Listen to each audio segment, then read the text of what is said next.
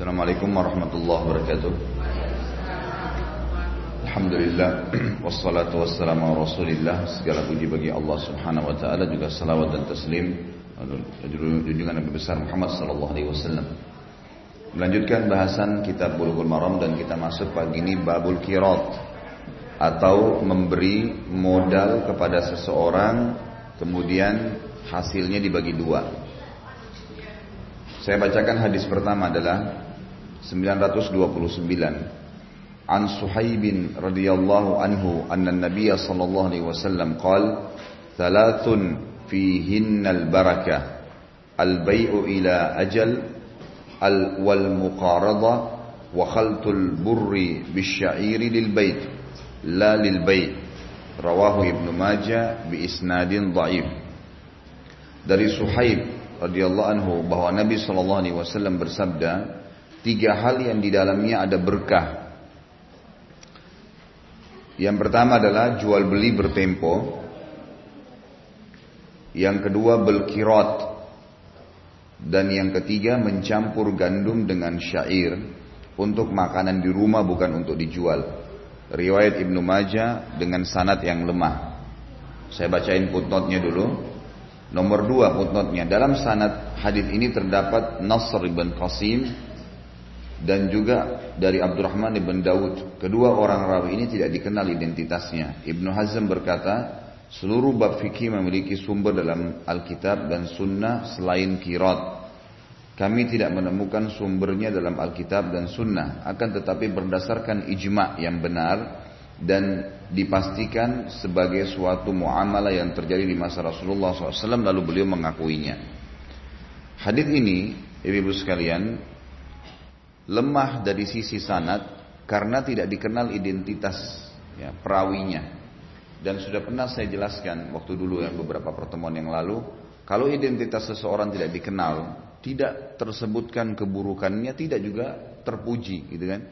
Maka lemahnya masih tetap dipakai oleh para ulama selama tidak ada dalil yang yang lebih kuat yang bertolak belakang dengannya. Seperti itu kurang lebih.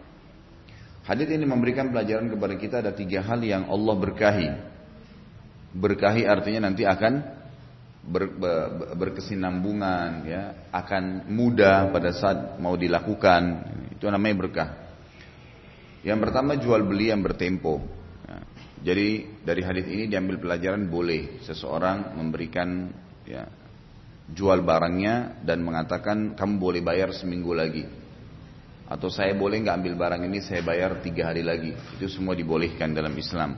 Tetapi dianjurkan ya yang lebih kuat. Pendapat yang saya cenderung ya itu tidak dua harga. Tidak dua harga. Jadi kalau kita jual cash sejuta jatuh tempo pun sejuta gitu kan? Itu jauh lebih sesuai dengan sunnah Nabi Shallallahu Alaihi Wasallam. Ada sebagian pendapat yang mengatakan kalau akadnya beda maka nggak masalah. Seperti misalnya Orang kalau bayar cash dianggap akad sendiri, orang kalau jatuh tempo akad sendiri. Ya, dengan padahal sebenarnya produknya sama. Makanya saya pribadi lebih cenderung dengan pendapat yang pertama tadi lebih baik kita samakan harganya. Bagaimana solusinya Ustaz? Sementara jatuh tempo, ya memang di sini kalau jatuh tempo itu ada digabungkan antara transaksi jual beli dengan bantuan. Ya, dengan membantu orang lain. Dan saya sudah bilang itu hari ibu-ibu sekalian, usahakan dalam hati kita itu ada dipisahkan mana yang investasi akhirat, mana yang investasi dunia. Ya. Kalau investasi akhirat kita nggak boleh ada keuntungan di situ, seperti menghutangkan orang lain itu investasi akhirat. Makanya nggak boleh berbunga sejuta ya sejuta, gitu kan? Dua juta ya dua juta juga kembali. Nah ini investasi akhirat gadai yang kita bahas kemarin itu sebenarnya investasi akhirat. Nggak boleh seseorang menggadai tanahnya satu miliar karena butuh uang 50 juta. Sebulan kesepakatan. Ternyata tiba waktu sebulan dia nggak bisa bayar. Lalu surat tanahnya semua kita ambil. Harganya semiliar. Dia cuma utang 50 juta. Nggak boleh. Zalim. Kita boleh jual tanah itu. Laku semiliar misalnya. 50 juta hak kita kita ambil. 950 juta kembalikan kepada orangnya. Karena ini memang investasi akhirat. Nggak boleh ada keuntungan di situ. gitu kan? Tidak boleh ada keuntungan. Ini sudah saya jelaskan yang lalu. Ada investasi memang yang duniawi ya, memang kita ambil keuntungan. Saya transaksi sama teman atau saya mengajak dia bisnis gitu kan, kerjasama. Maka itu hak kita nanyakan mana keuntungan saya, bagaimana laporannya. Memang itu investasi dunia. Nah sering kali ulama mengatakan kalau investasi dunia ya, boleh dihubungkan dengan akhirat. Misal gini, kayak tadi nih ya, kita jual jatuh tempo.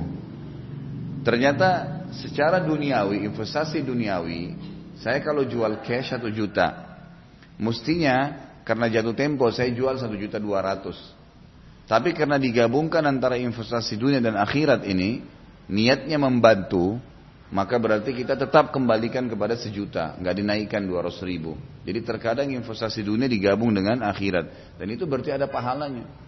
Seringkali ada orang transaksi seperti pernah terjadi Abu Hanifah rahimahullah contoh kasus lapangan beliau memiliki kios besar sekali toko yang sangat besar waktu di zaman beliau di Irak itu menjual sutra dan beliau terkenal seorang ulama yang kaya raya.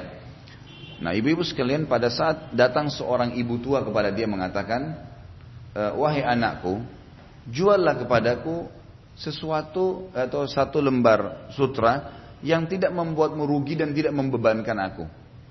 Lalu tiba-tiba Abu Hanifah mengatakan, bayarlah ibu sutra ini dengan 10 dirham kalau nggak salah. Tidak mungkin harganya 10 dirham gitu. Lalu ibu itu mengatakan, kenapa terlalu murah gitu. Kata Abu Hanifah rahimahullah, saya kemarin beli 10 lembar sutra. Saya sudah menjual 9 dengan keuntungan, gitu kan. Maka saya cukup membutuhkan untuk satu ini 10 dirham dari anda. Kebetulan waktu itu memang uang ibu itu kalau tidak salah dalam kisah ini pas 10 dirham saja gitu. Maka diambillah oleh Abu Hanifah rahimahullah dan diberikan kepada orang tersebut. Jadi dalam transaksi dunia pun kita sering kali menghubungkan dengan akhirat kalau memang butuh untuk membantu orang. Tetapi investasi akhirat, tadi utang dan gadai, nggak boleh dihubungkan dengan investasi dunia. Nggak boleh utang kita bungakan misalnya. Bisa ditangkap bu ya? Jadi hati kita dipisahin. Nah orang yang tidak bisa misahin ini, kalau dia berteman sama seseorang, kalau dia sedang mengutangkan, e, mau ingin membantu seseorang, dia selalu berpikir saya untung apa nih? Karena dia tidak pikir masalah akhirat. Hatinya semuanya berhubungan dengan investasi dunia saja. Dia tidak mau berteman kecuali ada maslahat dunianya saja. Kan gitu. Tidak ada namanya ukhuwah Islamiyah, persaudaraan dalam Islam, Mungkin karena dia beda ekonomi dengan saya, tapi karena Islam menyuruh bersaudara ya tetap saja. Mungkin karena ibadahnya bagus saya jadikan sahabat. Itu hilang. Nggak ada karena dia selalu hubungkan seluruh hatinya ini investasi dunia saja. Gitu kan? Selalu melihat apa saya dapatkan untung apa saya dari orang ini. Bisa nggak saya pinjam modal? Bisa nggak usaha saya nanti barang saya laku karena saya berteman sama dia? Dan seterusnya. Kalau enggak maka tidak dianggap sebagai teman. Ini pemahaman yang keliru. Ya, pemahaman yang keliru harus diperbaikin. Kurang lebih seperti itu. Jadi yang pertama adalah jual jatuh tempo. Kemudian yang kedua muqaradah. Muqaradah ini tadi ibu punya usaha, ibu tawarin, saya mau buka usaha nih, mau nggak ikut investasi, gitu kan? Seperti kasus yang saya lakukan kemarin di restoran saya kan begitu. Saya sempat tawarkan ada beberapa ibu di sini saya tawarkan waktu itu. Dengan ada ibu-ibu juga di pengajian di Kemang yang saya tawarkan. Tapi ternyata ibu-ibu sana yang ikut kan gitu. Saya tawarkan masuk modal, ini sahamnya akan dapat sekian, tempatnya di sini, ini usahanya seperti ini, lalu ikutlah. Gitu. Itu namanya mukarodah. Nanti bagi hasil, gitu kan? Berapa sahamnya, berapa persen dibagi hasil. Atau ibu misalnya buka butik, ibu jual apa, ibu e, mau investasi properti, lalu ngajak teman-temannya ikut, itu nggak masalah. Ya. Namanya mukarodah, dihalalkan, ya, boleh saja. Nanti tinggal kesepakatan. Cuma yang perlu digarisbawahi, kesepakatannya harus keuntungan dari persenta persentase dari laba. Saya ulangi ya. Eh, yang akan diambil adalah persentase dari laba. Tidak boleh dari modal. Misal gini. Ini saya masukin 100 juta ya ke ibu ya. Tapi setiap bulan saya mau terima 10% dari modal saya. Nggak boleh itu. Riba. Belum tentu dia untung 10%. Gitu kan. Atau sebaliknya. Mestinya kalau bagi hasil ibu bisa dapat lebih. Tapi karena ibu sudah patok 10%, mungkin bisa dapat 50%, gitu kan? Maka ini nggak boleh. Tidak boleh penentuan persentase dari modal, nggak bisa. Dalam Islam tidak boleh itu masuk riba. Jadi yang boleh misalnya kita hitung dari laba, nanti keuntungan bersih setelah keluar semua pengeluaran, kamu 50, saya 50 ya, dari keuntungan. Itu boleh. Gitu kan? Dan tidak ada dalam Islam namanya pengembalian modal bu ya. Itu ibu yang invest, ibu sendiri yang atur pengembalian modalnya. Jangan ibu bilang sama temannya yang ibu investasi, ini saya taruh 100 juta ya. Kamu harus kembalikan modal saya. Itu nggak ada dalam Islam, nggak boleh akad begitu. Saya masukkan 100 juta, kita sudah pelajari memang usahanya dia sehat. Ya, dari awal kita harus pelajarin itu, berjalanlah. Bagi hasil yang ibu terima setiap bulan, itu ibu hitung pengembalian modal aja dulu.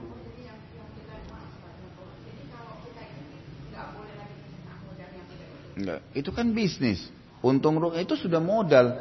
Kecuali kalau memang ibu mau keluar dari usaha itu, kemudian memang usahanya ada jalan, cuman kayaknya saya butuh duit saya deh. Bisa nggak saya tarik modal saya? Memang usahanya jalan itu nggak apa-apa. Kalau usahanya jalan ya, ibu pada saat tarik memang persentase itu akan ditarik dan tidak mengganggu dia. Tapi kalau misalnya dia sudah buat bangunan, udah masuk nih, udah masuk situ uh, uangnya di bangunan, kita mau tarik dia nggak ada duit untuk bayar, nggak bisa. Jadi modal yang kita masukin itu sudah dianggap modal, udah masuk berputar dengan untung rugi nanti kita akan dapatkan. Caranya bagaimana pengembalian modal? keuntungan kita, kita hitung dari awal bulan. Misal setiap bulan saya akan dapat kira-kira prediksi berapa? Oh saya bisa mungkin kamu bisa dapat 10 juta per bulan. Berarti 100 juta itu 10 bulan pengembalian modal. Kita ambil, kita anggap itu pengembalian modal kita. Masukin ke rekening nggak usah dipakai. Setelah 10 bulan, itulah keuntungan kita, gitu kan? Itulah keuntungan kita. Tidak boleh ibu misalnya sudah masuk nih usaha, terus kemudian bangkrut. Lalu ibu bilang kembaliin modal saya nggak bisa usaha, bangkrut. Dia aja nggak bisa kembaliin uang.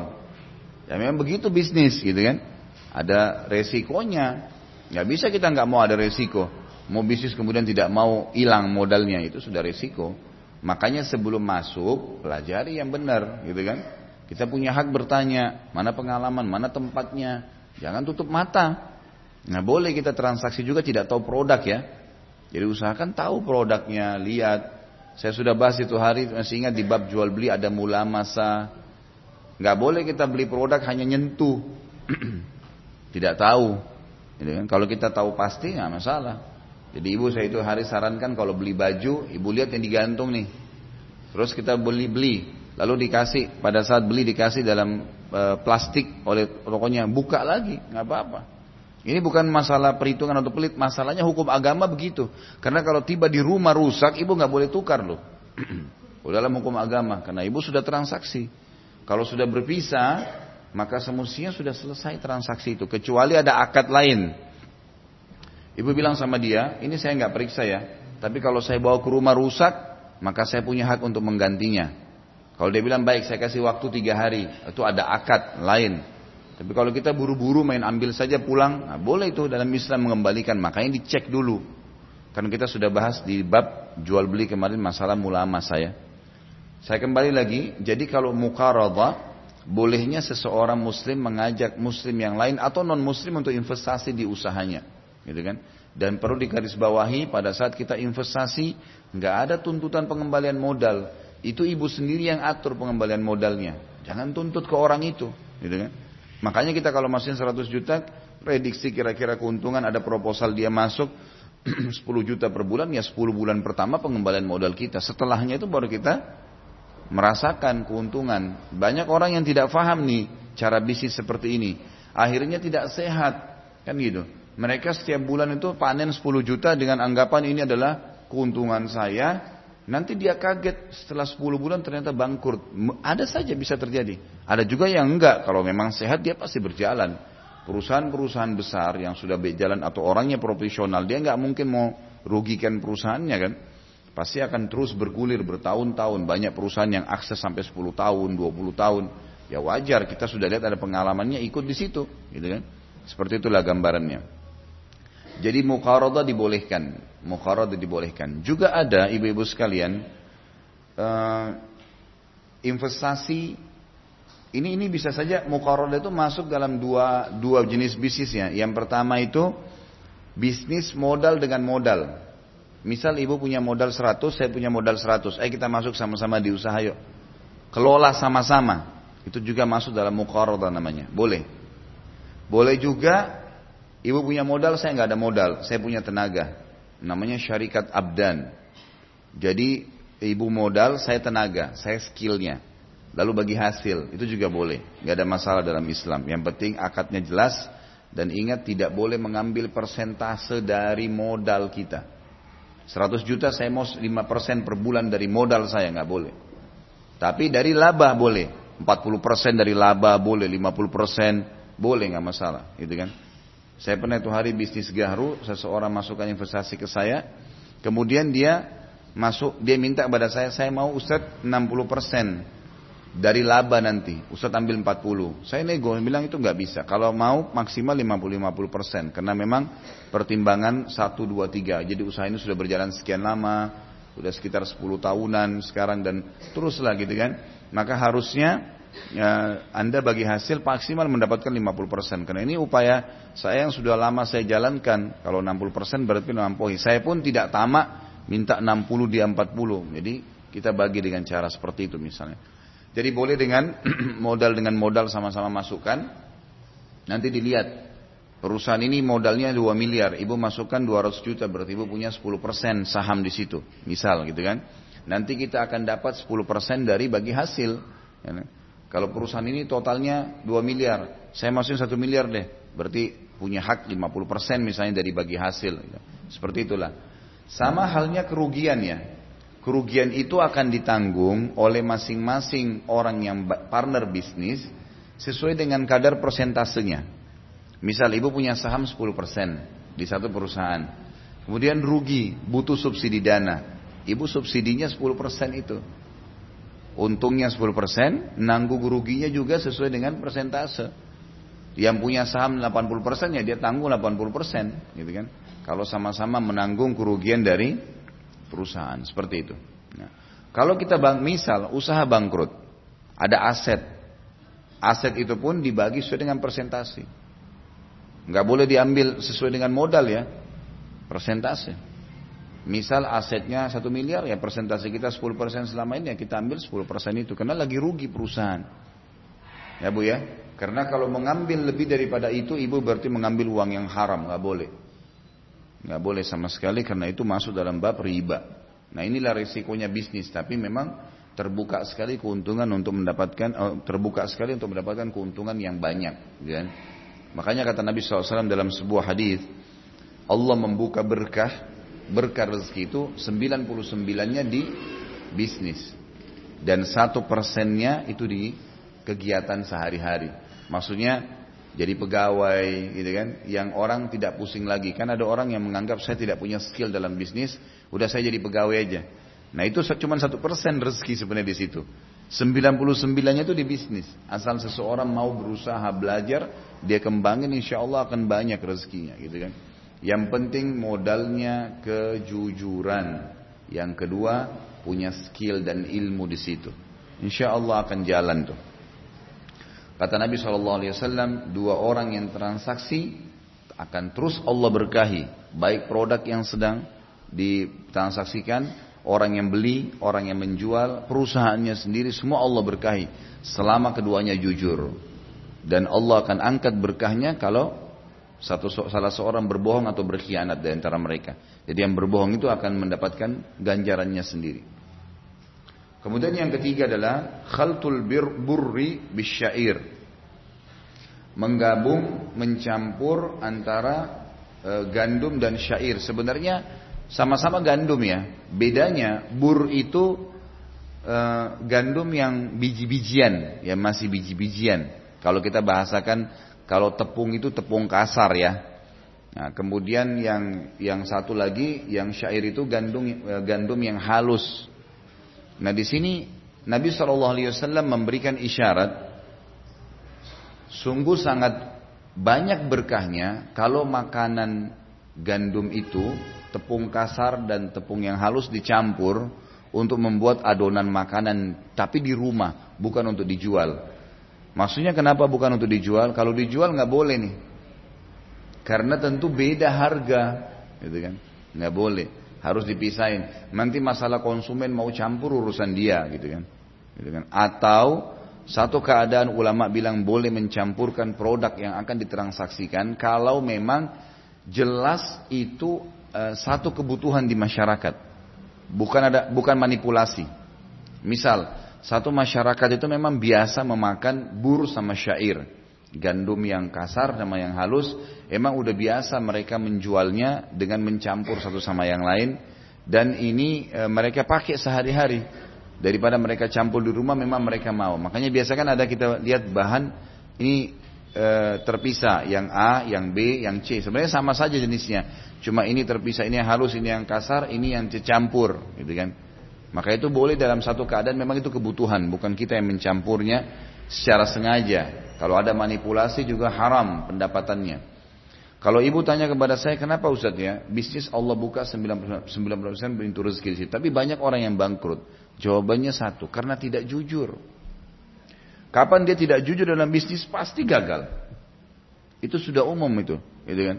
Pasti ada masalah. Kalau dia mungkin modalnya nggak benar, mungkin sistem yang dia pakai nggak benar. Ada terbuka sedikit celah pintu haram, ada manipulasi data, ada produk yang haram dijual, ada sistem yang salah. Udah masalah itu pasti. Dengan sendirinya. Walaupun dia buat semegah apa pun usahanya tetap akan bangkrut. Gitu kan. Tapi subhanallah orang yang mulai dengan modal yang halal. Walaupun sederhana maju saja. Ya, di dekat rumah saya di Conde di Tebu ada satu kios jual nasi rawon kecil di pinggir jalan. Tapi masya Allah orang yang Batam makan itu luar biasa, gitu kan penuh. Padahal biasa saja. Cuma nasi dan biasa di Kemang juga itu di tempat saya biasa ngisi taklim kalau pagi Senin. Ada satu tempat di dalam gang jual apa ya opor ayam Betawi. Tulisannya gitu. Itu sampai mobil-mobil pada antri di situ. Masuk padahal tempatnya itu e, digabung antara kios kecil makan itu dengan bengkel di sebelahnya. Tapi orang datang tuh makan. Salah satu contoh berkahnya ya. Bagaimana tempat walaupun di dalam gang dicari oleh orang subhanallah. Karena modalnya benar.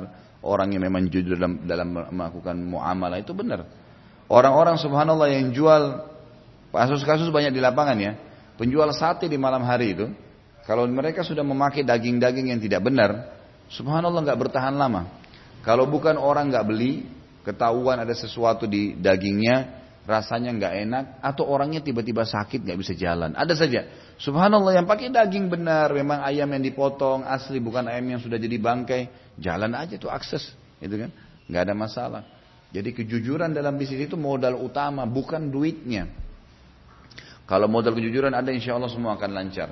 Dari hadis ini juga diambil pelajaran bu, di rumah itu Nabi SAW memberikan isyarat karena zaman itu makanannya orang gandum, maka eh, sekarang disesuaikan dengan keadaan kita baiknya Allah berkahi kalau mencampur antara makanan sama makanan, gitu kan? E, e, mungkin contoh di lapangan kacang hijau sama ketan ketan hitam biasanya dicampur. Apalah ya orang mencampurnya. Nah itu ada berkat tersendiri. Karena setiap jenis makanan ada berkahnya. Kalau dicampur maka akan lebih banyak lagi berkah yang didapatkan. Untuk membuat makanan di rumah ya. Bukan untuk dijual. Inilah hadis yang pertama yang menjelaskan masalah atau dimaksud dalam bab kirot. Tetapi perlu kita ketahui, Ibnu Hazm mengatakan rahimahullah tadi di footnote-nya, belum pernah ada dalil yang khusus menjelaskan masalah muqaradah. Masalah bolehnya orang menaruh modal dengan orang lain lalu bagi hasil setengah-setengah. Tetapi dipastikan dinukil dalam beberapa athar, ya, riwayat dari Nabi Wasallam. Di zaman Nabi SAW itu berjalan dan Nabi tidak larang, dan Nabi Shallallahu Alaihi Wasallam tidak larang. 930 hadisnya wa an Hakim bin Hizam radhiyallahu anhu annahu kana yashtaritu 'ala ar-rajuli idza a'tahu malan muqaradah alla taj'al mali fi kabidi ratbin ratbatin wala tahmilahu fi bahrin wala tanzilu bihi fi ba'lan ba'lin atau batnin ولا تنزل في بطن مسيل فإن فعلت شيئا من ذلك فقد ضمنت مالي رواه الدار القطني ودار القطني ورجاله الثقات dari Hakim Ibn Hizam radhiyallahu eh, radhiyallahu anhu bahwasanya disyaratkan bagi seseorang yang memberikan modal sebagai kirat yaitu ya, jangan menggunakan modalku untuk barang bernyawa. Jangan membawanya ke laut dan jangan membawanya di tengah air yang mengalir. Jika engkau melakukan salah satu di antaranya, maka engkau lah yang menanggung modalku. Riwayat Darul Qutni dengan perawi-perawi yang dapat dipercaya. Malik berkata dalam kitab Muwatta dari dari Ala ibnu Abdurrahman ibn Yakub dari ayahnya dari kakeknya bahwa ia pernah menjalankan modal Uthman bin Affan radhiyallahu anhu dengan keuntungan dibagi dua. Hadis ini mauquf sahih. Dari hadis ini kita ambil pelajaran ibu-ibu sekalian. Kalau sebelum bisnis, misal gini, ada orang datang ke ibu bilang, saya mau buka butik, jual baju, konveksi. Jenisnya 1, 2, 3, 4, 5. Saya butuh modal 500 juta. Ibu masukin, baik saya masukin. Tapi saya kasih syarat ya. Kalau seandainya modal saya kamu pakai di bisnis lain, kamu harus kembalikan modal saya, saya nggak mau. Misal nggak boleh kamu pakai untuk e, tadi, misalnya beli ikan, ya, dagang ikan. Tidak boleh kamu pakai e, modal ini tadi dibahasakan di laut misalnya. Tidak boleh masuk ke bisnis laut, bisnis air nggak boleh. Saya nggak mau. Butik ya butik, gitu kan? Kalau memang kamu masukkan ke situ berarti modal saya milik saya. Di akadnya begitu itu boleh dari awal. Di sini bolehnya karena memang dia mengkhianati pemilik modal, nggak boleh. Sudah sepakat ya. Ibu juga kalau terima modal dari seseorang, ibu sudah tawarkan proposalnya bisnis A, nggak boleh ibu alihkan ke bisnis B kecuali ibu pamit. Ibu harus bilang, ini ada bagi hasil kita nih 20 juta bulan ini. Ada usaha baru, misalnya pengadaan tisu untuk restoran, pengajian apa e, untuk sekolah misalnya. Baik, saya mau masukkan bisnis baru dengan modal 20 juta. Kamu mau ikut gak dengan keuntungan yang 20 juta, 10 juta kamu, 10 juta saya. Dia bilang iya baru kita masuk ke bisnis yang kedua. Nggak boleh kita memakai uang orang tanpa izin. Nggak bisa. Dan harus dijalankan sesuai dengan akad yang telah disepakati. Bisnis A ya bisnis A. Mau pindah ke yang lain maka berarti harus pindah dengan kesepakatan pemilik modal. Izin dulu. Nggak boleh nggak. Kalau dia ridho maka insya Allah jalan. Dan itu diberkahi. Ini ini semua kata kunci suksesnya ya Bu ya. Jadi apa yang saya jelasin ini untuk memuluskan bisnisnya ibu ke depan. Harus begitu. Nggak bisa tidak. Sedikit dilanggar maka akan mengganggu semuanya. Akan mengganggu. Jadi hadis ini menjelaskan masalah kita tentang masalah tadi yang saya jelaskan itu ya. Jadi pemilik modal punya hak untuk mengambil modalnya kalau ternyata yang mengelola ya itu mengalihkan ke bisnis yang lain. Lalu bagaimana kalau yang mengelola tadi sudah terlanjur masukkan ke bisnis dan dia rugi misalnya, tetap di sini dia wajib mengembalikan modal orang itu karena dia mengkhianatinya. Wajar itu ya. Ibu ditawarkan bisnis eh, apalah ya apa saja kemudian dia ternyata alihkan ke bisnis yang lain lalu dia bangkrut. Nah, ibu punya hak untuk mengambil modalnya ibu. Walaupun dia harus cicil, yaitu utangnya dia karena memang dia tidak sesuai dengan yang disepakati. Tidak menjalankan sesuai yang disepakati. Baik ini bab kirot. Sampai sini ada yang mau bertanya sebelum pindah ke bab yang setelahnya?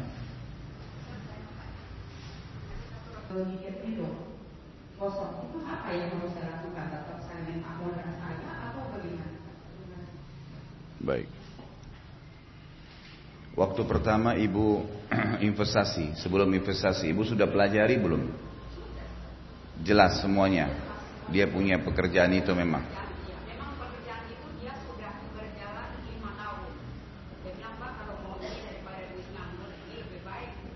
Baik, baik. Yang pertama, akad tentang harusnya ada penentuan 12 juta per bulan itu tidak boleh. Pertama Bu ya. Jadi tidak boleh ada penentuan jumlah langsung uang tanpa masuk dalam persentase keuntungan. Sama saja tadi, misal tiap bulan 12 juta itu sama dengan tiap bulan saya ambil dari modal saya sekian persen. Karena penentuan itu tanpa mengetahui keuntungan yang real ditemukan akhir bulan itu nggak boleh. Akad ini nggak boleh, emang dalam Islam nggak boleh. Karena masuk dalam bab riba, bab goliman, karena memang nggak boleh sama sekali. Jadi nggak boleh ibu bisnis sekali lagi menentukan saya mau terima setiap bulan 2 juta, saya mau terima setiap bulan 3 juta, nggak boleh ini. Walaupun dia tulis, ibu jangan iyakan. Nggak boleh karena dalam Islam dilarang. Baik, sebentar, sabar bu. Saya akan jelaskan. Jadi eh, saya bukan menyorotin ibu, saya sedang menjelaskan hukum syari'inya. Secara global kita nggak boleh menentukan jumlah uang yang akan diterima tiap bulan, tidak boleh menentukan persentase dari modal, itu nggak boleh. Saya mau terima, saya kasih kamu 10 juta, tapi saya mau terima tiap bulan 500 ribu, 1 juta, itu nggak boleh. Karena kita tidak tahu keuntungan dia berapa, nggak boleh. Yang boleh sekali lagi cuma satu, persentase dari laba. Nanti kalau kamu untung akhir bulan, kita duduk sama-sama, gitu kan? Kemudian dilihat dari keuntungan itu saya ambil 40, kamu 60, saya 50, kamu 50, itu boleh. Realnya berapa? Untung 12 juta ya 12 juta dibagi 2 6 eh, apa namanya 6 juta 6 juta misalnya. Seperti itu. Jadi dari sisi akad itu semestinya sudah tidak boleh, gitu kan? Kalau masuk kasus ibu tadi dia tentukan 12 juta itu sudah melanggar syar'i sebenarnya. Kemudian yang terjadi adalah ternyata berjalan waktu ya tidak ada lagi bagi hasil. Baik ibu tanya sekarang, kenapa tidak bagi hasil? Dia bilang tidak jalan. Ibu minta buktinya, mana buktinya kalau tidak jalan? Dan itu kalau memang tidak jalan, mana buktinya? Kalau memang, loh itu itu masalahnya. Jadi dari awal ini masalah kejujuran pebisnisnya dan orang yang mau investasinya harus dua-duanya jujur. Banyak kasus di lapangan bangkrut usaha karena kenapa? Modalnya nggak benar. Saya punya modal, seseorang, naudzubillah, ya ada orang punya modal, tapi uang itu dari penipuan, uang yang dia juga pinjam dari orang lain, apalagi dari rentenir untuk dipakai bisnis, nggak bakal berhasil, nggak bakal berhasil dasarnya dasar uang riba, kemudian mau dipakai untuk modal itu sulit, akan banyak kendala-kendala ditemukan. Memang sudah hikmah dari Allah Subhanahu wa taala itu. Kata ulama agar seseorang itu tinggalin dia kembali gitu ke jalan Allah Subhanahu wa taala yang benar. Jadi memang dasarnya nggak ada kejujuran masalahnya begini. Ini Makanya kalau kalau kita datang ke sana pun dia bilang ada kerugian, baik mana kerugian. Kalau dia tidak jelaskan mana kerugian, dia tidak mau berikan keterangan yang benar, ibu punya hak tarik modal. Ibu punya hak untuk meminta karena sama kasuistik tadi ini hampir sama dengan kasusnya kalau e, kamu bisniskan uang saya di tempat lain, maka saya akan ambil modal saya. Itu akadnya bisa seperti itu. Atau keadaannya kayak ini, orangnya tidak jelas. Hilang tiba-tiba. Allahu alam dipakai apa uang itu. Maka kita punya hak untuk mengambil modal kita. Walaupun dalam bentuk utang dari dia. Karena memang dia tidak benar. gitu kan. Kalau memang tidak benar ya. Tapi kalau memang betul rugi, ibu harus bisa terima. Kalau betul rugi ya, tidak usah kita bilang, oh rugi dong saya 250 juta. Itu konsekuensi bisnis. Harus kita bisa terima keadaan itu. Nggak bisa kita mau terima kalau enaknya untung, kalau rugi kita nggak mau ikut-ikutan. Nggak, memang harus bisa seperti itu. Kalau emang ibu datang, ibu duduk baik-baik sama dia, saya tanya, ini rugi nggak? Ya, mana buktinya? Bukti ini kepada saya. Kalau buktinya rugi nggak apa-apa, saya nggak minta apa-apa. Emang sudah begitu. Ibu melakukan itu bukan karena dia, tapi karena Allah Subhanahu Wa Taala. Karena memang saya tahu Tuhan saya melarang saya mengambil kalau memang rugi usaha, emang nggak bisa, gitu kan? Tapi kalau dia tidak mau buat laporan, dia nggak mau memberikan data, ya memang ibu, haknya ibu mengambil modal. Mungkin tidak jelas. Tarik mana modal saya kalau gitu. Biasanya ya, biasanya orang yang seperti ini, saya tidak tahu ini, tapi ini realita lapangannya. Biasanya karena uangnya dipakai untuk lain. Subhanallah, kalau ada ibu terima modal dari orang nih, baru ibu terima belum mulai bisnis, ibu sudah tarik untuk kebutuhan rumah tangga, pasti nggak berhasil. Enggak, orang yang punya modal nggak bakal mau ibu pakai beli makanan di rumah itu. Kalau sudah ibu putar, keuntungan hasilnya ibu sendiri, hasil keringat ibu nikmatin, itu baru berkah. Ada orang begitu, semua terima uang 200 juta misalnya. Udah 15 juta sudah beli sofa, 20 juta udah beli ini, beli macam-macam dengan dia tahu modal yang dia butuhin 100 juta. Dari awal mungkin dia sudah bohong, 200 juta dia saya butuh. Dihabisin sama dia, tidak bakal jalan.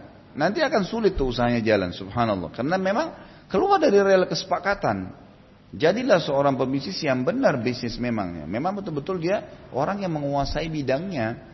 Jadi saya 200 juta, tidak boleh ganggu. Jangan ganggu itu 200 juta. Walaupun kita butuh. Gitu kan? Ingat selalu nasihat saya, ibu-ibu sekalian. Kita punya kapasitas. Perut kita hanya butuh maksimal dua piring nasi. Maksimal itu.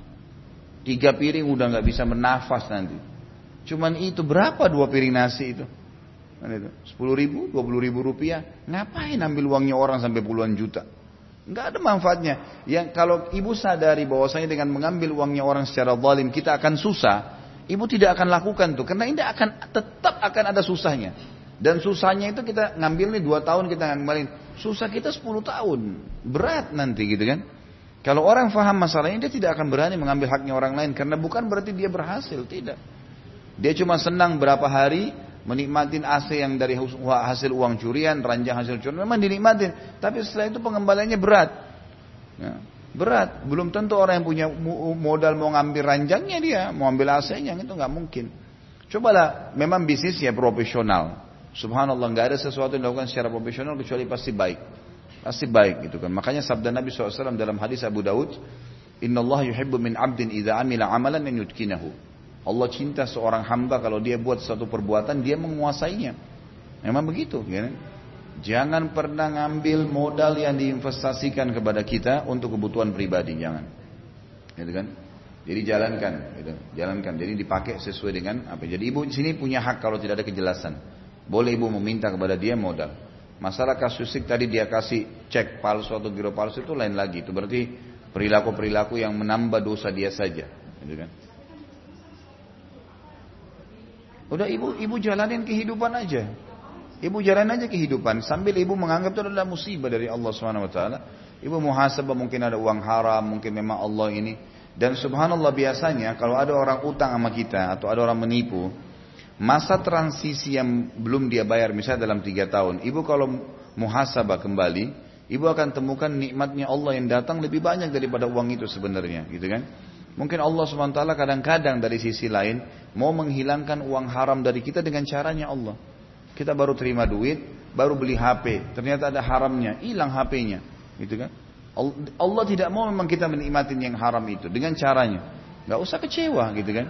Seperti itulah. Jadi muhasabah. Ibu sekarang lagi dicoba. Ingat pahala sabar tidak didapatkan kecuali musibah sedang datang. Gak ada manfaatnya. Gak ada, gak ada bab sabar tuh.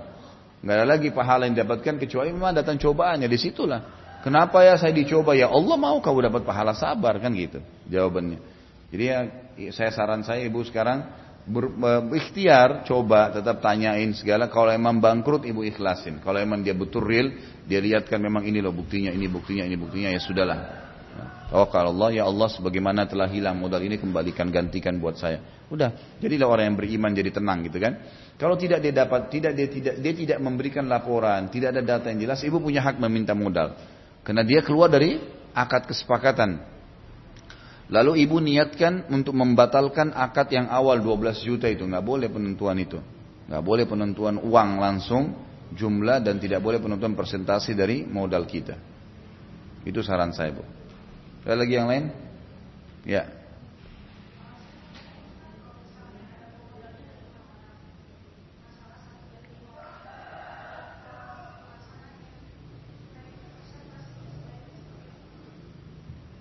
Tergantung modal. Jadi ada lima orang yang ikut investasi. Lima-limanya sama, dibagi lima. Dari 100% dibagi lima. Biasanya begini bu ya.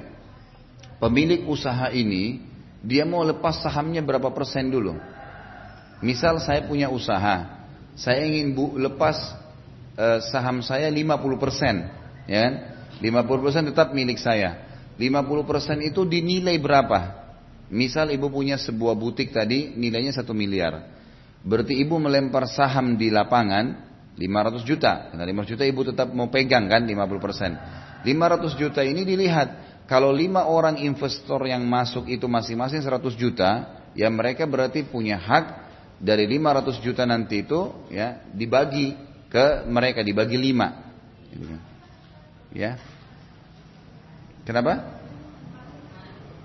Tetap harus ada kejelasan berapa patungannya itu. Jadi jelas nanti persentase dia kan. Dia masuk.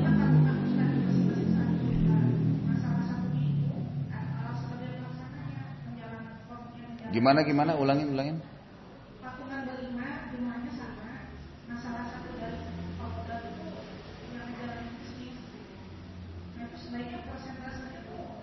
Yang menjalani bisnis ini sudah punya usaha sebelumnya atau baru mau dijalanin? Baru mau dijalanin. Sama, berarti sama semua. Sama semua berarti perusahaan berdiri juga dari modal orang lain. Iya kan? Betul, saya paham. Berlima patungan. Usahanya belum ada sebelumnya. Baik, berarti sama, dibagi rata. Berarti 100% perusahaan itu dibagi lima, gitu lah. Kalau ibu sudah punya usaha, udah jalan, ibu butuh modal, ini lain. Ibu sekarang nilai sendiri, saya mau lepas saham saya ke masyarakat ini berapa? Ya kan? Misal nilai perusahaannya, saya kasih contoh ya, kemarin restoran saya saya nilai itu 2,5 M, kan itu. Kemudian saya butuh modal tambahan. Saya hitung kalau orang ikut 250 juta berarti dia dapat 10 persen, gitu kan? Jadi dikeluarin, saya mau keluarkan cuma 50 persennya saja. Jadi 1,2 misalnya, gitu kan? Seperti itulah. Jadi kita keluarin persentase yang kita tidak mau. Kalau ibu mau lepas 100% sahamnya, itu terserah ibu. Itu kan berarti dijual di lapangan semua. Ibu tinggal pegang, ibu dari. E, pem, tapi memang harus tetap ada ya. Kalau kita sudah punya perusahaan itu harus tetap kita punya sesuatu di situ. Harus kita punya. Misal saya jual di pasar 90%, 10% itu ibunya ibu punya hak di situ. Baru yang sebenarnya itu dibagi. Kalau tidak ada perusahaan sebelumnya, maka nggak ada masalah. Ya Bu ya?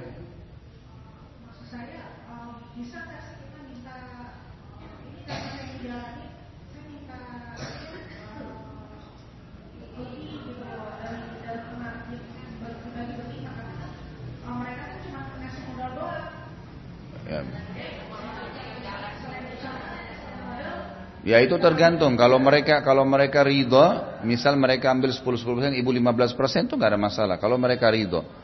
Kalau tidak, karena perusahaan belum, ibu betul yang kelola. Tapi kalau tanpa mereka ibu nggak bisa jalan kan? Kan ibu nggak ada modal awalnya. Ibu cuma punya modal untuk satu orang kan? Dengan masuknya empat orang yang lain ini, ibu jadi bisa mengelola usaha itu. Jadi alasan ibu mengatakan kan saya mengelola. Ya mereka juga bisa mengatakan hal yang sama. Kalau tanpa kami kamu nggak bisa jalan. Kan gitu. Jadi sama gitu. Kecuali ibu sudah punya usaha sebelumnya. Udah berjalan, ibu butuh tambahan modal. Nah itu ibu punya hak menentukan persentase. Gitu loh. Memang realnya begitu ya.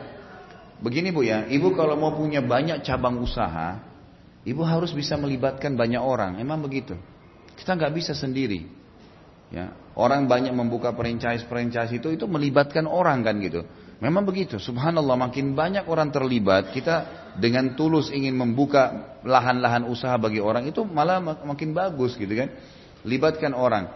Nah, cara melibatkan orang di sini adalah dengan cara yang tadi ya. Berapa saham yang kita lepas? Ya. Saya cuma butuh 10% lagi deh dari saham saya, yang lainnya 90 biarin dikeroyokin oleh orang-orang dijual lah gitu kan. Seperti itu. Jelas Bu ya? Ya. Mana yang pengusaha-pengusaha semua ini Masya Allah. Bentar sebelah Bentar Bu ya, mic lebih dekat situ tuh. Oh, sudah pindah.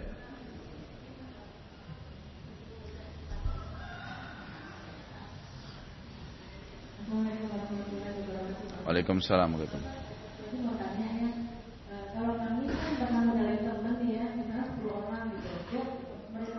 warahmatullahi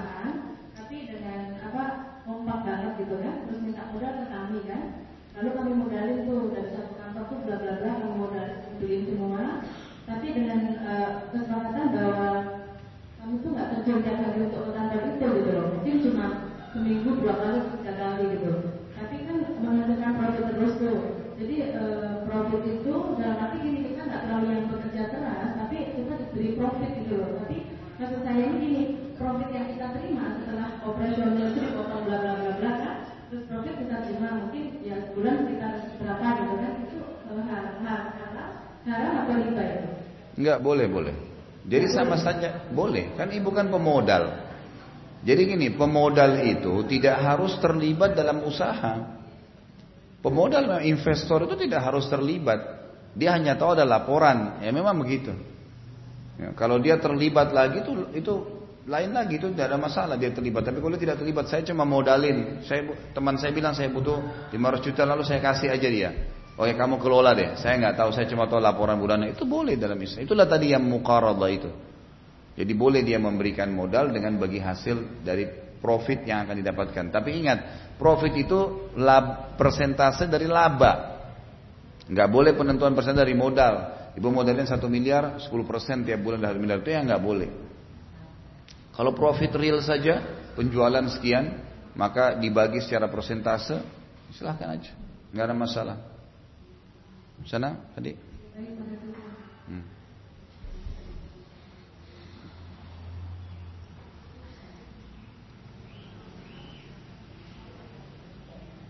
Kalau uh, saya ada usaha gitu ya, sama saudara itu juga tidak ada apa-apa dong, gitu kan? Kalau bagaimana menyikapinya? Apa tetap dijalani lagi usahanya atau ya udah kalau kayak gitu udah gak ada kesepakatan, pokoknya soalnya saja sama saudara. Ya, uh, kembali ke tadi ya, kaidahnya adalah kalau mau bisnis sama seseorang harus memastikan orang itu jujur dulu. Jangan hanya karena saudara, kerabat, teman atau siapa saja. Jadi bukan hanya sekedar kenal kemudian dianggap itu sebagai dia profesional. Bisa saja orang yang lain tapi dia lebih profesional gitu kan. Itu awalnya. Kalau usaha sudah bangkrut atau mengalami kerugian, maka ulama menganjurkan agar pemilik modal e, menutup usaha sampai di situ dulu. Kecuali memang dia yakin hanya karena terjadi kerugian e, secara uh, sunnah kauniyah, maksudnya alam. Misalnya memang usaha ini jalan, tapi kontainernya tenggelam karena badai, gitu kan? Pasti pangsa pasarnya pasti, produknya pasti, pabriknya masih ada, cuman kena tenggelam, bangkrut. Nah itu boleh kita masukkan. Makanya tadi persentase kita yang kita sepakatin 50-50% itu akan memberikan penentuan di situ. Baik pada saat rugi kita masih masukkan lagi 50% tambahan modal ya. Berarti dia juga akan masuk 50% tambahan lagi, gitu kan? Sama-sama masuk. Atau kalau dia tidak punya modal, dia mengecilkan persentase dia. Saya tadi terima 50%, maka sekarang dengan tambahan modal, maka saya cuma mengambil yang mengelola ya, yang punya punya tenaga 25%. Berarti nanti yang tambah modal ini akan masuk dengan 75% bagi hasil misalnya. Maka dikelolalah sama-sama. Tapi kalau jelas usaha itu dianggap tadi dicurigai dia tidak jujur, nggak ada laporan, nggak ada keterangan, gitu kan? Atau memang e, usaha ini dianggap bang, rugi, bangkrut, maka sebaiknya ditutup pada saat itu. Tutup itu dalam arti kata, ayo kita hitung asetnya nih, lalu dibagi sesuai dengan persentase. Itu lebih aman. Hmm, jadi nggak usah merasa nggak enak bu. Kita nggak enak itu pada hal-hal yang berbau kemaksiatan. Tapi kalau kebenaran kita nggak usah nggak enak, jalanin aja insya Allah.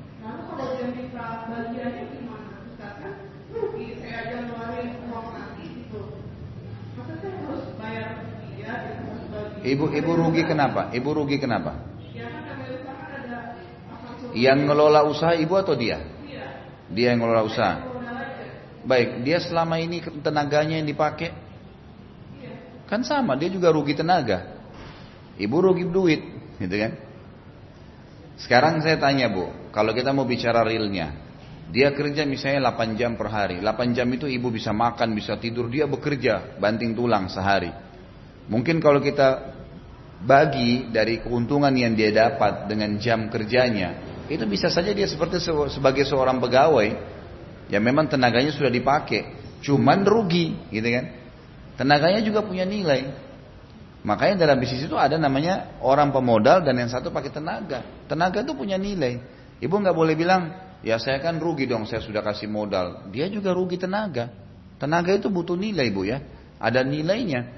Ibu kalau bekerja 3 jam, 4 jam itu kan capek, ya letih, ya, butuh energi, butuh ide-ide, gitu kan. Semua kerugian. Dan memang itu resiko bisnis ya. Ibu saya sarankan kalau tidak punya jiwa bisnis belum, belajar dulu baru masuk. Karena kalau enggak nanti berat jiwa kita menerima. Banyak orang mau menginvest-invest tapi tidak ada jiwa bisnis. Akhirnya pada saat bangkrut dia susah terima. Tetap ngotot suruh kembalikan modal. Lo bangkrut, rugi, nggak bisa. Memang nggak bisa. Memang sudah begitu. Ada lagi? Bentar, mic sudah di sana. Assalamualaikum warahmatullahi wabarakatuh. Hmm. tadi kan jual beli kenapa? dua dua harga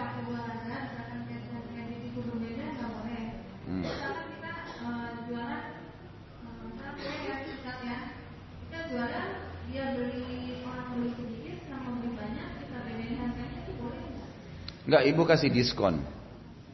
Boleh di diskon. Misal, kalau beli 100 buah kue, diskon 10%. Nggak masalah itu. Tapi jangan dibedain harga, nggak usah beda. Jadi memang peka sekali perbedaannya ya. Transaksi satu produk nggak boleh dua harga, gitu loh. Itu intinya. Tapi kalau ibu tadi membedain kuantitinya, jumlahnya, maka boleh diberikan diskon, nggak apa-apa.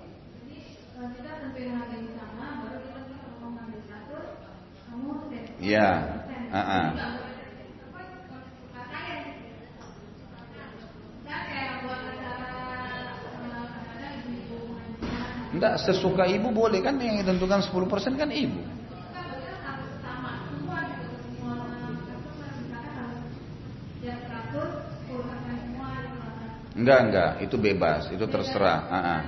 Iya. Cuman nanti akan mengganggu kualitas kerja. Kalau ibu kepada 10 konsumen masing-masing beda-beda persen eh, diskonnya, itu akan mengganggu kualitas kerja nanti. Lebih aman standarisasikan aja. 10% ya 10%. Beli 100 kue, maka 10%. Beli 2000 kue atau 1000 kue dapat 20%. Udah disamain. Kerabat bukan kerabat beli sama aja. Memang bisnis begitu baru bisa berjalan. Kalau enggak susah, gitu kan? Ya. Ada lagi? Kayak di depan-depan ini sukses semua usahanya nih, masya Allah. Yang di belakang aja.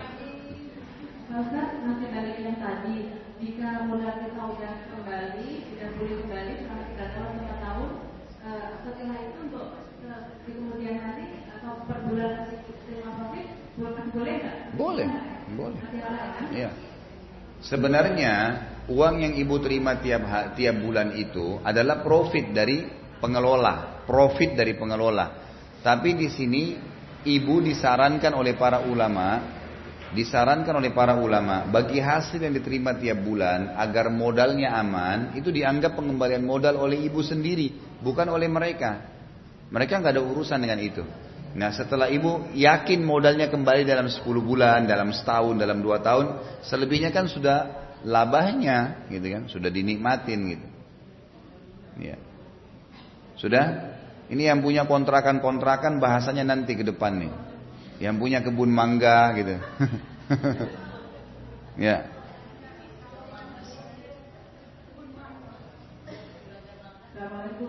Waalaikumsalam. Kalau mandi janjian itu benar Kalau apa? Ah. bukan Boleh, boleh, nggak masalah. Karena eh, memang setiap uang itu punya nilai. Kalau punya nilai yang berbeda, nggak masalah. Eh, misal emas India dengan emas Indonesia, misal beda, karena memang dari sisi kualitasnya beda, maka nggak masalah. Ya? Boleh. Money changer nggak masalah. Karena memang dasarnya itu bukan riba. Karena memang nilai rupiah dengan nilai dolar berbeda, berselisih, gitu kan? Yang tidak boleh, yang masuk riba itu kalau ru- eh, jenis uangnya sama. Misal eh, kayak mau lebaran tuh ya, biasanya orang ambil uang baru 100 ribu jadi 110. Nah itu nggak boleh itu, karena uang itu ditukar sama uang yang sama nggak boleh. Memang nilainya dasarnya sama. Uang rupiah 10 ribu tua dengan 10 ribu baru sama kan? Sama nggak kalau beli barang?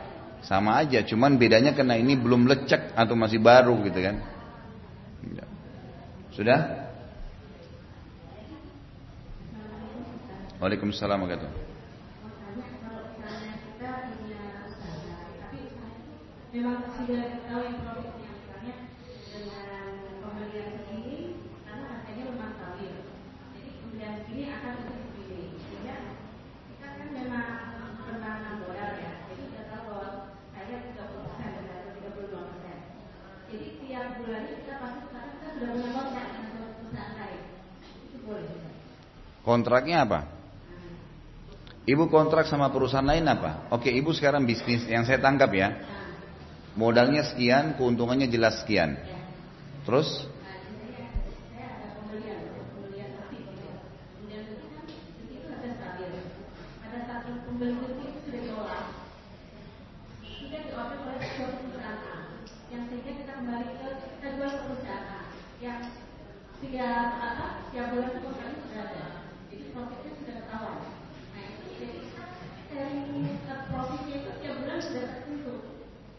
Ibu.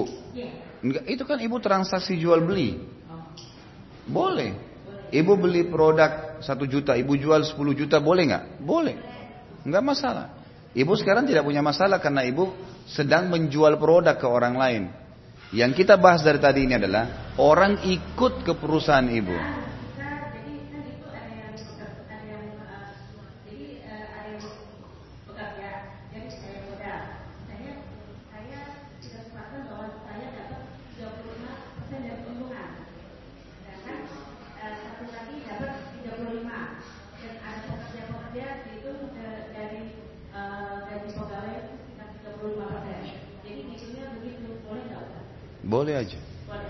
Masalah.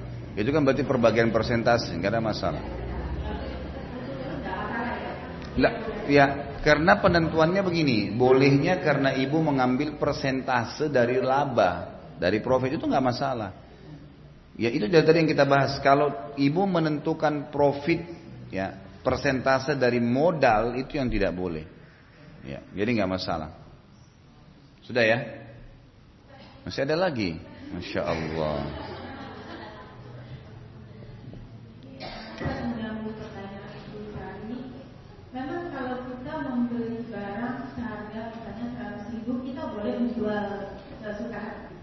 Boleh. Nggak apa-apa. Nggak apa-apa, bebas saja. Salam kata.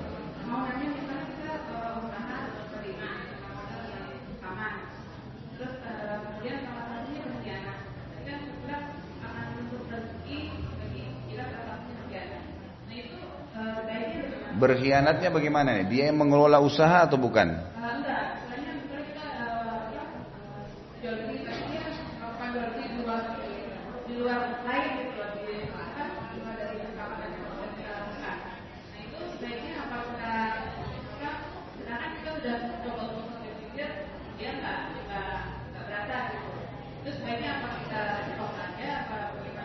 Stop aja karena sudah ada ada ketidakjujuran Ketidakjujuran itu sudah menjadi satu satu poin yang sangat kuat dalam pengadilan Islam itu untuk memberhentikan transaksi. Jadi ibu berhentikan aja kalau ada orang yang tidak jujur di antara para orang-orang yang menanam modal itu. Gitu kan? Tapi saya perlu saya perlu rincikan dulu ya. Misal gini, berlima naik masuk ke dalam satu perusahaan kita buat tas misalnya. Nah, tas ini modalnya sudah saling tahu, harga jualnya juga saling tahu. Baik akan dijual 100 ribu modal dijual 200 ribu misalnya. Ada salah satu orang yang menanam saham ini mengambil dia beli umumnya dia ambil dia beli dari perusahaan itu juga sendiri perusahaan dia sendiri. Kemudian dia jual di atas harga 250 ribu. Bolehkah itu? Kan gitu. Itu kan yang yang jadi bisa saya jadi pertanyaan itu maka jawabannya kalau memang itu dibolehkan oleh perusahaan nanti tidak masalah. Siapa pun konsumen yang beli 250 ribu dia mau jual 350 lagi nggak masalah. Berarti nggak apa-apa. Dia bukan berkhianat. Karena dia tidak mengganggu harga standarnya perusahaan. Yang jadi masalah sekarang adalah termasuk berkhianat perusahaan modalnya 100 ribu jualnya 200 ribu. Kemudian dia datang karena ini kerabatnya atau orang yang dia kenal perusahaan nggak boleh jual di bawah 200 ribu Nanti di pasaran nanti orang mau jual berapa terserah. Dia datang dia jual 150 ribu misalnya. Gitu kan? Tanpa teman-temannya tahu. Maka ini berkhianat namanya. nggak boleh. Karena ada standarisasi yang disepakatin. Seperti itu gambarannya. Tapi kalau dia misalnya beli di perusahaan dengan 200 ribu. Lalu dia jual. Ini kan harga standar perusahaannya. Dia jual di luar 300 ribu. Itu hak dia. Dia sama dengan konsumen umumnya. Dia tidak mengganggu stabilitas perusahaan tidak terganggu. Dia tergantung dari kalau yang kedua tadi bukan berkhianat, kalau yang pertama tadi berarti berkhianat. Ya. Sudah? Satu lagi, dari tadi satu terus ini. Depan sini. Ya.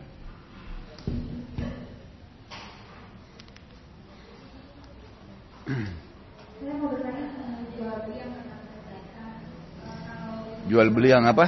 Jual beli yang apa? Hmm.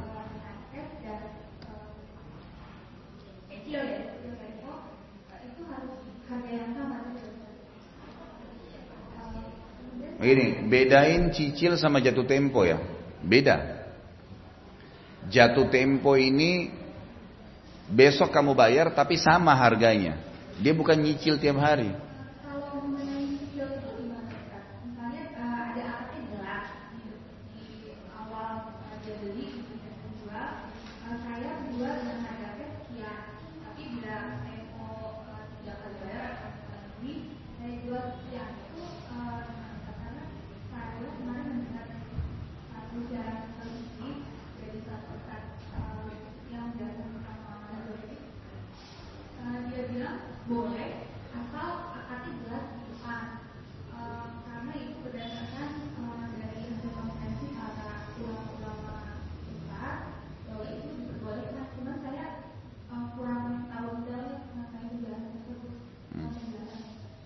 Enggak, kalau cicil itu memang ada pendapat ulama yang mengatakan boleh berbeda harga. Kalau cicil, saya tidak bahas tadi masalah cicil ya. Saya bahas jatuh tempo. Misal gini, kamu bayar seminggu kemudian, tapi dia bayar cash nanti. Cuma seminggu, gitu kan? Itu beda. Kalau nyicil itu dalam seminggu dia bayar per hari, misal, yang gitu. Atau dia bayar dalam tiga bulan, setiap bulan dibayar, itu lain. Kalau cicil, maka itu memang ada pendapat ulama ya. Umumnya sekarang sudah dikeluarkan fatwa ya internasional itu bolehnya e, membedakan harga kalau cicilan. Kalau cicilan. Karena biasanya kalau cicilan itu temponya kan terlalu jauh, bisa saja modalnya jadi tertahan untuk diputar, gitu kan? Maka itu dibolehkan. Ada pendapat ulama mengatakan boleh. Kalau cicil, artinya memang dia akan bayar berapa yang dia mampu per bulan itu dikatakan. Jadi yang saya bahas bukan itu jatuh tempo. Jadi kita niatnya mau membantu orang karena dia belum punya uang, akhir bulan dia baru terima gaji. Nah kamu bayar nanti akhir bulan deh. Tapi dibayar cash sama dia, dia bukan cicil. Itu jatuh tempo tadi yang kita bahas. Jadi kan. Tapi kalau yang dimaksud dengan cicilan lain. Ya. Cicilan karena dia misal disepakati tiga bulan nih. Kan sebelum tiba tiga bulan kan dia sudah bayar sebenarnya ya kan? Dia sudah ikut bayar. Beda dengan jatuh tempo tadi yang memang setelah sebulan dia bayar full semua satu bulan, kan beda. Makanya dalam cicilan itu dibolehkan ada sebagian pendapat ulama yang mengatakan boleh e, transaksi dengan cicil dan harganya dinaikkan. Karena mungkin dihitung pada masa itu nanti, misal tiga tahun kemudian, memang harganya sudah sekian gitu. Kalau dihitung secara waktu gitu.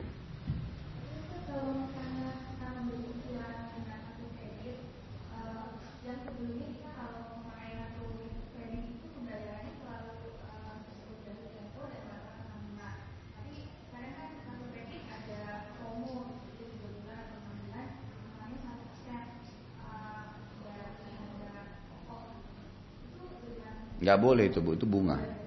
itu bunga. Kalau kartu kredit itu bunga. Ibu bisa cicil begini tapi sekian persen bunganya. Memang mereka sendiri namakan bunga. Itu nggak boleh. Nggak boleh.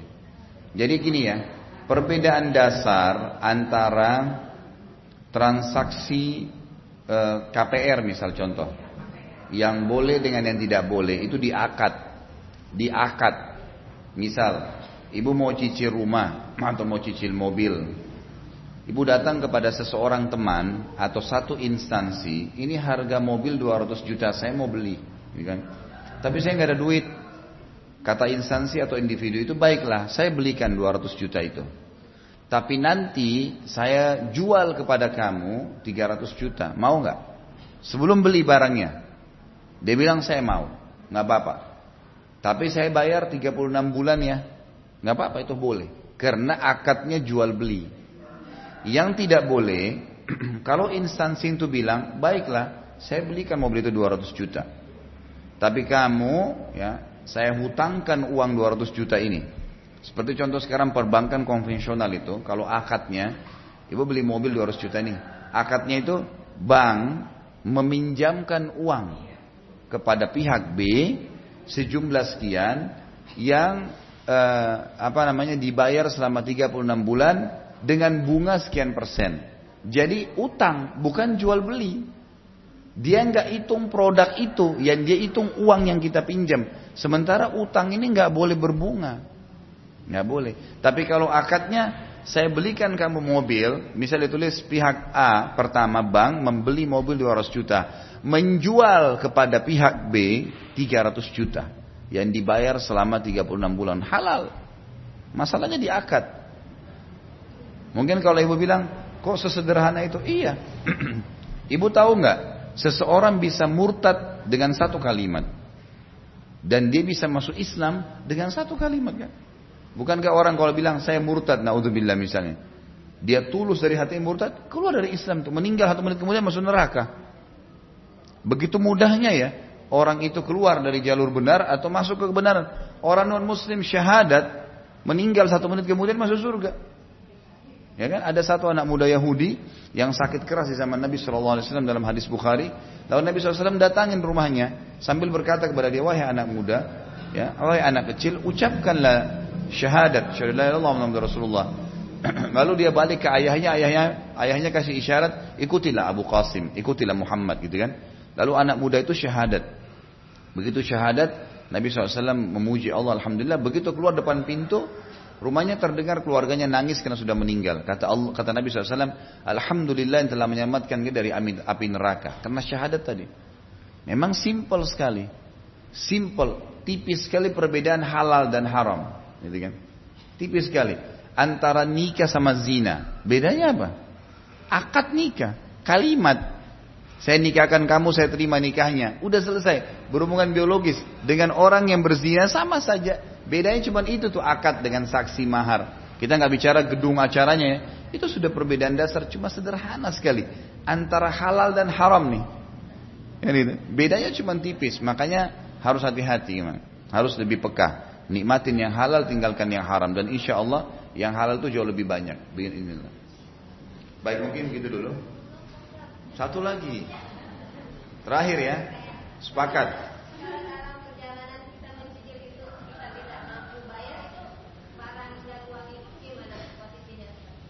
Ya, jadi kalau kalau kita lagi nyicil barang, kemudian dalam tengah jalan kita nggak mampu nyicil, maka produk itu dikembalikan, boleh dikembalikan kalau memang pemiliknya setuju, gitu kan?